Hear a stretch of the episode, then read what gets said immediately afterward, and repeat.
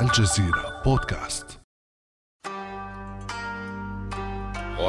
In the coming two days, I hope that by engaging in full discuss exchange of views, في اليومين القادمين آمل أن نناقش باستفاضة مبادرة الطريق والحزام والتي نعتبرها مشروع القرن لأنها ستجلب العديد من المصالح للشعوب من حول العالم.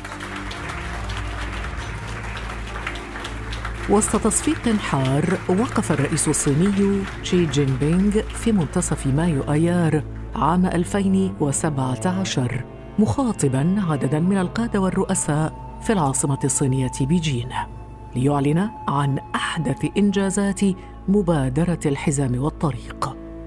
لم يمض سوى عام واحد حتى عبر أول قطار من نوعه الأراضي التركية. متجها من أوروبا إلى الصين عبر خطوط السكك الحديدية التي أنشأتها تركيا والتي تربط القارتين الأوروبية بالآسيوية.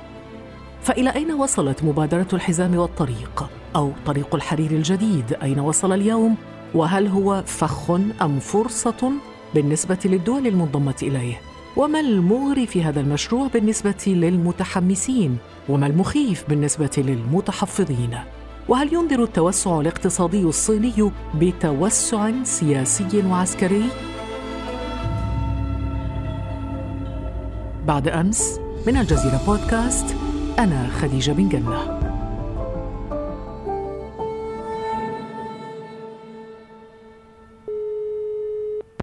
أرحب معي اليوم بالزميل شفيق شقير الباحث في مركز الجزيرة للدراسات. دكتور شفيق شقير أهلا وسهلا بك. أهلا وسهلا بك. شكرا جزيلا. دكتور شفيق اشرح لنا في البداية ما هو طريق الحرير ومن أين يعبر وأين وصل الآن؟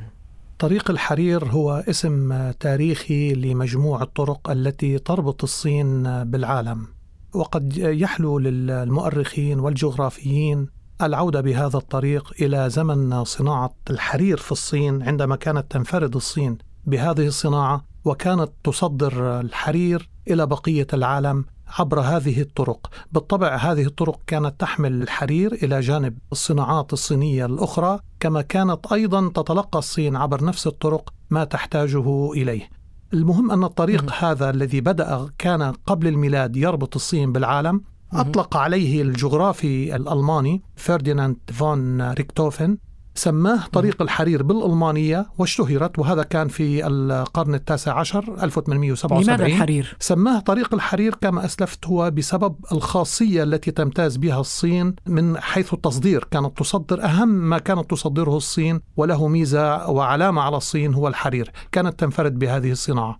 من أين يعبر؟ عندما أطلق عليه الجغرافي الألماني هذا الاسم كان يربط الصين بالجزء الجنوبي والغربي لآسيا الوسطى وبالهند. ومن هناك كان يذهب إلى بقية العالم وكانت هي سلسلة من الطرق البرية القديمة. أيضا يعني تمتد ربما إلى غرب يعني تمتد من غرب وشمال الصين وبعد ذلك تذهب إلى أوروبا. نعم تطورت الطريق لتصل اليوم إلى أين؟ بالطبع الآن تطورت الطرق حتى في ذلك الحين. كانت هذه الطرق تتطور مع تطور وسائل التواصل والاتصال ووفق الظروف السياسية والاجتماعية وتطور الزمن.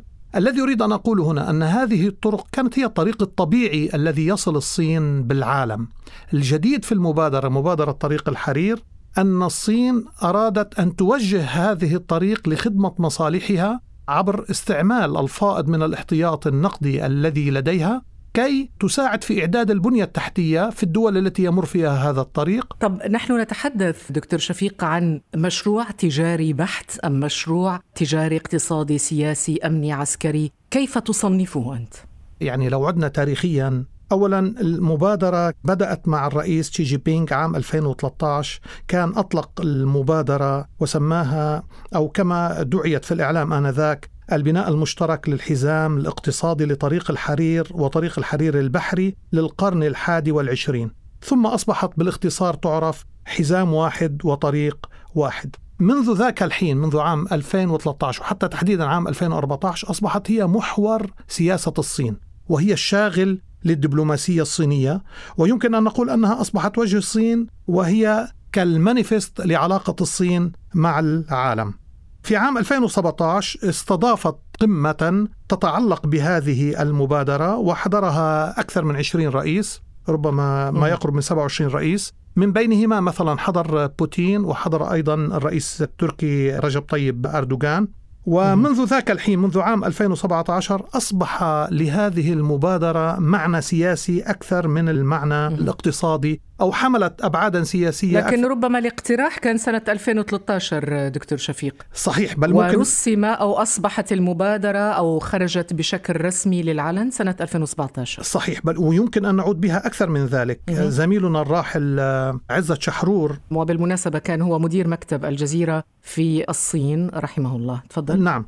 يقول أن نائب رئيس الهيئة الوطنية العامة للضرائب في الصين شو شان دا هو الذي قدم هذا المقترح لوزارة التجارة الصينية عام 2008 عندما أصبح هناك ركود أصاب العالم الركود طرحها على أن تكون خطة وطرحها باسم خطة ماريشال صينية. مقتبسا الاسم من المبادرة المعروفة لوزير الخارجية الأمريكي جورج مارشال لمساعدة الدول الأوروبية بعد الحرب العالمية الثانية وإعمارها. فبدأت منذ عام 2008 يعني الفكرة هي قديمة كما أن هناك دول أخرى حاولت أن تطرح ما يشبه هذه الفكرة. اليابان كانت تفكر بمثلها أوروبا فكرت بمثلها. حتى الولايات المتحدة الأمريكية أثناء وجودها في أفغانستان بنت سكة حديدية لتربط أفغانستان مع دول وسط آسيا وكانت تنقل أيضا الدعم اللوجستي للقوات الأمريكية من أسلحة وعتاد فأيضا فكرت بها. يعني ليست الصين الوحيدة التي فكرت بربط وسط آسيا بأوروبا أو ببقية العالم أو العكس الصين تربط نفسها بوسط أوروبا ثم ببقية العالم. الزيادة أيضا هناك نعم. طريق البحري حتى لا ننسى بأنه أيضا هذا الطريق يشمل أيضا المرافق البحرية خاصة تلك المتجهة نحو الشرق الأوسط وأفريقيا ومن هناك إلى أوروبا.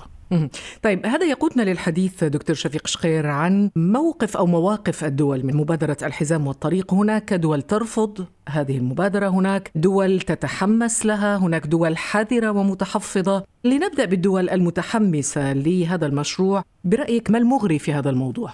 الدول ربما من أهم الدول والتي تعتبر مركز لهذه المبادرة استجابت للصين هي روسيا، لأن روسيا بطبيعة الحال ستستفيد بشكل كبير من هذه المبادرة، وأيضا تركيا لأن كل أنابيب الغاز تمر عبرها ووسطها، وهي أيضا تريد أن تربط نفسها بدول وسط آسيا التي تجمعها اللغة والتاريخ وما إلى ذلك. وكذلك حتى طهران إيران إيران أيضا لانها قد تشكل قلب طريق الحرير بسبب موقعها الجغرافي وتستفيد أيضا من العلاقة المعروفة مع الصين ومحاولة الدخول إلى العالم عبر هذه المبادرة لا سيما وأن الولايات المتحدة الأمريكية تحاصر إيران بالعقوبات وما إلى ذلك. يعني يشكل منفذا بالنسبة لإيران. بالضبط. طب قلنا روسيا وإيران، مين غير روسيا وإيران دكتور شفيق؟ هناك دول آسيا الوسطى الخمسة نفسها بطبيعة الحال التي نتحدث عنها. يعني هي الجوار القريب لروسيا أيضا. ممكن أن نضيفها إليه. هناك مناطق محاذية وهي تشمل منظمة تعاون شانغهاي والدول التسع الاتحاد الاقتصادي مثل الهند باكستان وذكرنا إيران وأفغانستان بطبيعة الحال منغوليا التي هي جار للصين روسيا البيضاء أرمينيا أوكرانيا مولدافيا وما إلى ذلك. وهناك مناطق العربية التي هي تعتبر مناطق تشعبية يعني هي ليست مناطق هي تمر عبرها بعض الطرق الفرعية سواء تؤدي إلى البحر أو تؤدي إلى دول أخرى سنتحدث عن الدول العربية لاحقا لكن بالنسبة لكل هذه الدول التي ذكرتها دكتور شفيق والمتحمسة لمبادرة الحزام والطريق بماذا تستفيد هذه الدول؟ ما الذي يبرر تحمسها للمشروع؟ المتحمسون للموضوع يستفيدون من القروض التي تقدمها الصين لهذه الدول خاصة أن الصين لا تفرض شروطا مثل الدول الغربية على قروضها وهذا الأمر يساعد الدول التي تجد صعوبة في الحصول على الأموال لتنمية اقتصادياتها أو لتعزيز برامجها الاقتصادية.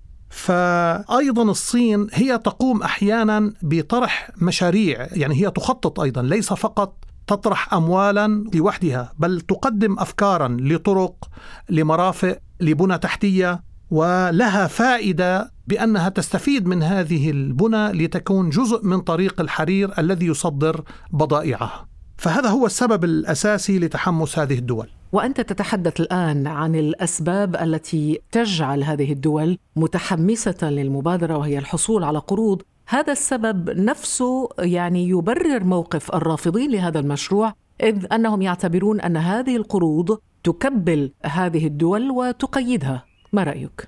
واشنطن تقول بأن القروض التي تقدمها الصين للدول أنها تضر بالبيئة وأنها تشكل فخا اقتصاديا لتلك الدول لأنها تغري بمشاريع أحيانا ليست حيوية أو ليس بمقدور الدول بعد ذلك سداد الديون فتضع الصين يدها على هذه المشاريع ويحصل لها موطئ قدم في تلك الدول خاصة عندما تتعلق ببعض المنشآت الحيوية مثل المرافق. وكذلك أيضا الهند والنزاع التاريخي ما بين الصين والهند ومنذ فترة قريبة كان هناك اشتباكات على الحدود ما بين الدولتين.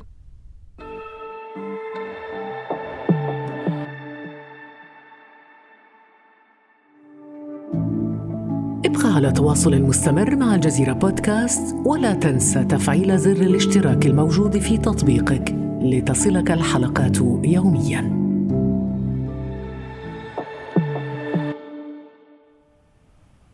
ماذا عن العالم العربي الدول العربية؟ ما موقفها من هذه المبادرة؟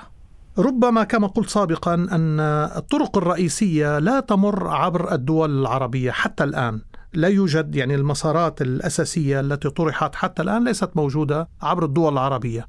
هناك حديث لازلنا نتحدث عن طرق كل دولة تتحدث عن طرق. هذا لا ينفي أن هناك استثمارات صينية بطبيعة الحال. وأن هناك تعاون من كل الدول العربية. يعني المملكة العربية السعودية إلى قطر إلى الإمارات. خاصة هنا نتحدث عن دول الخليج باعتبار أن لديها فوائد مالية نسبيا. في حين أن مثل دولة مثل الجزائر أيضا يعني الوجود الصيني فيها مميز وهناك استثمارات كبيرة في الجزائر وهكذا. ولكن لا يوجد حتى الآن لا يمكن أن نقول حتى الآن أن هناك حماسة عربية لهذه المبادرة. ومن جهة أخرى الصين لم تبلور رؤية كاملة تجاه الدول العربية. ولكن هنا ربما يجب أن نتحدث عن دول لها تواصل جغرافي مع أوروبا عبر البحر الأبيض المتوسط مثل دول المغرب العربي وهناك مشاريع صينية كبيرة وعملاقة جدا في دولة مثل الجزائر مثلا.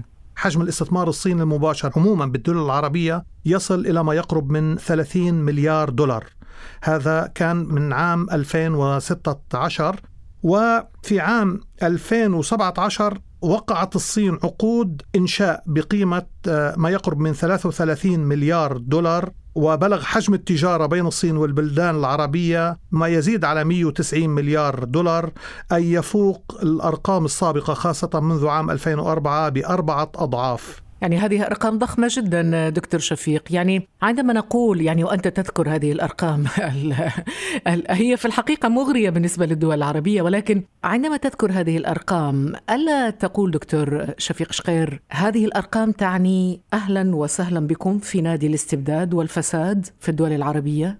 ما يؤخذ على الصين وهنا نبدأ بالكلام السياسي أنها لا تضع أي شروط أخلاقية أو سياسية على قروضها فمثلا لا زالت تقف مع مثلا النظام الرئيس الأسد في سوريا لديها استثمارات ضخمة مثلا مع مصر السيسي بدون أي قيود أو أي شروط وهكذا دولك فلذلك الدول المستبدة والدول التي فيها فساد بطبيعة الحال ستكون أكثر راحة مع القروض التي تقدم من الصين بمقابل تلك التي من الممكن أن تقدم من الولايات المتحدة الأمريكية أو من أوروبا. التي تحرص على حقوق الإنسان أكثر ربما في هذا الجانب نسبيا نعم. لكن هنا نتحدث دكتور شفيق شقير عن المحاذير المطروحة أو لنقل الأضرار الجانبية إن صح التعبير. نحن نتحدث عن دولة شمولية بالتأكيد لن تصدر مع التجارة ثقافة حقوق الإنسان ثقافة الحريات. ما هي هذه المخاطر التي ترافق مشروعا كبيرا مثل هذا مبادرة الحزام والطريق؟ ما تخشى منه الدول الغربية بشكل عام أن مبادرة الحزام والطريق ستستثمر فوائد الصين والاحتياط المالي لديها لصالحها الخاص وعندما نتحدث عن صالح الصين نحن نتحدث عن الصالح السياسي كما الاقتصادي كما الثقافي وهذا يعني التهيئة لهيمنة صينية في العالم والتوسع. نعم دكتور ربما لا يتعلق الأمر فقط بالجانب الحقوقي والإنساني وهناك أيضا جانب سياسي أمني عسكري. ألا تقود مبادرة الحزام والطريق برأيك؟ الصين إلى التوسع الخشن بالقواعد العسكرية بالسفن وتصبح هذه الدول يعني لديها تبعية سياسية وأمنية وعسكرية للصين. بالطبع وهذا يعيدنا مرة أخرى إلى فخ الديون. ما حصل مثلا وجود مرفأ لديها في جوادر في باكستان استحوذت إحدى الشركات الصينية على الميناء لمدة 40 سنة. فهناك خوف بالطبع نعم التوسع خاصة أن استثمارات الصين في المرافق. يعني هناك ربما نتحدث عن مئات المرافق حول العالم. هناك استثمارات صينية فيها بنسب مالية متفاوتة ما بين السيطرة الكاملة أو السيطرة الجزئية. هل من أمثلة؟ ربما الآن يعتبر المثال السريلانكي هو أبرز الأمثلة التي تطرح حيث تدين سريلانكا للصين بنحو 8 مليارات دولار أنفقتها على البنى التحتية. ومن بينها تطوير ميناء هامبانتوتا. ولم تستطع وعجزت عن سد هذه الديون المتراكمة عن بعض هذه الديون فوضعت الصين يدها على الميناء وأصبح لها ما يزيد عن 80% تقريبا من ملكية الميناء ولمدة 90 سنة. ستدير الميناء لمدة 90 عاما. وهناك استثمارات في عدة مرافق أخرى يعني ممكن التوسع فيها. أيضا مثلا بنغلاديش أيضا هناك استثمارات فيها تقرب من 10 مليار دولار. وهناك دائما أسئلة هل تستطيع هذه الدول أن تسد هذه الديون؟ وكم ستتساهل الصين معها؟ دكتور شفيق شقير في ظل الانكماش الاقتصادي العالمي وأزمة كورونا يعني كل ما نعيشه الآن ما الذي يدعو الصين حقيقة إلى المضي في هذا المشروع؟ ما مصلحتها في توسيع استثماراتها؟ ألا تخشى ربما الخسارة؟ بالنسبة للصين هذا المشروع ليس مشروعا اقتصاديا. يعني إذا أردت أن أتحدث عن رأيي ليس مشروعا اقتصاديا. هو رؤية للصين أو رؤية لعلاقة الصين مع العالم. الصين لن تتأثر بالموضوع الاقتصادي لأن للحزام والطريق أيضا وظيفة سياسية تتعلق بأمن الصين ليست فقط لموضوع الاستثمار. شكرا جزيلا لك دكتور شفيق شقير الباحث في مركز الجزيرة للدراسات. ألف شكر لك دكتور. شكرا لك شكرا لك. الله يعطيك العافية. يمكنكم الاستماع للمزيد من الحلقات الشيقة من الجزيرة بودكاست عبر مختلف تطبيقات بودكاست. كان هذا بعد أمس.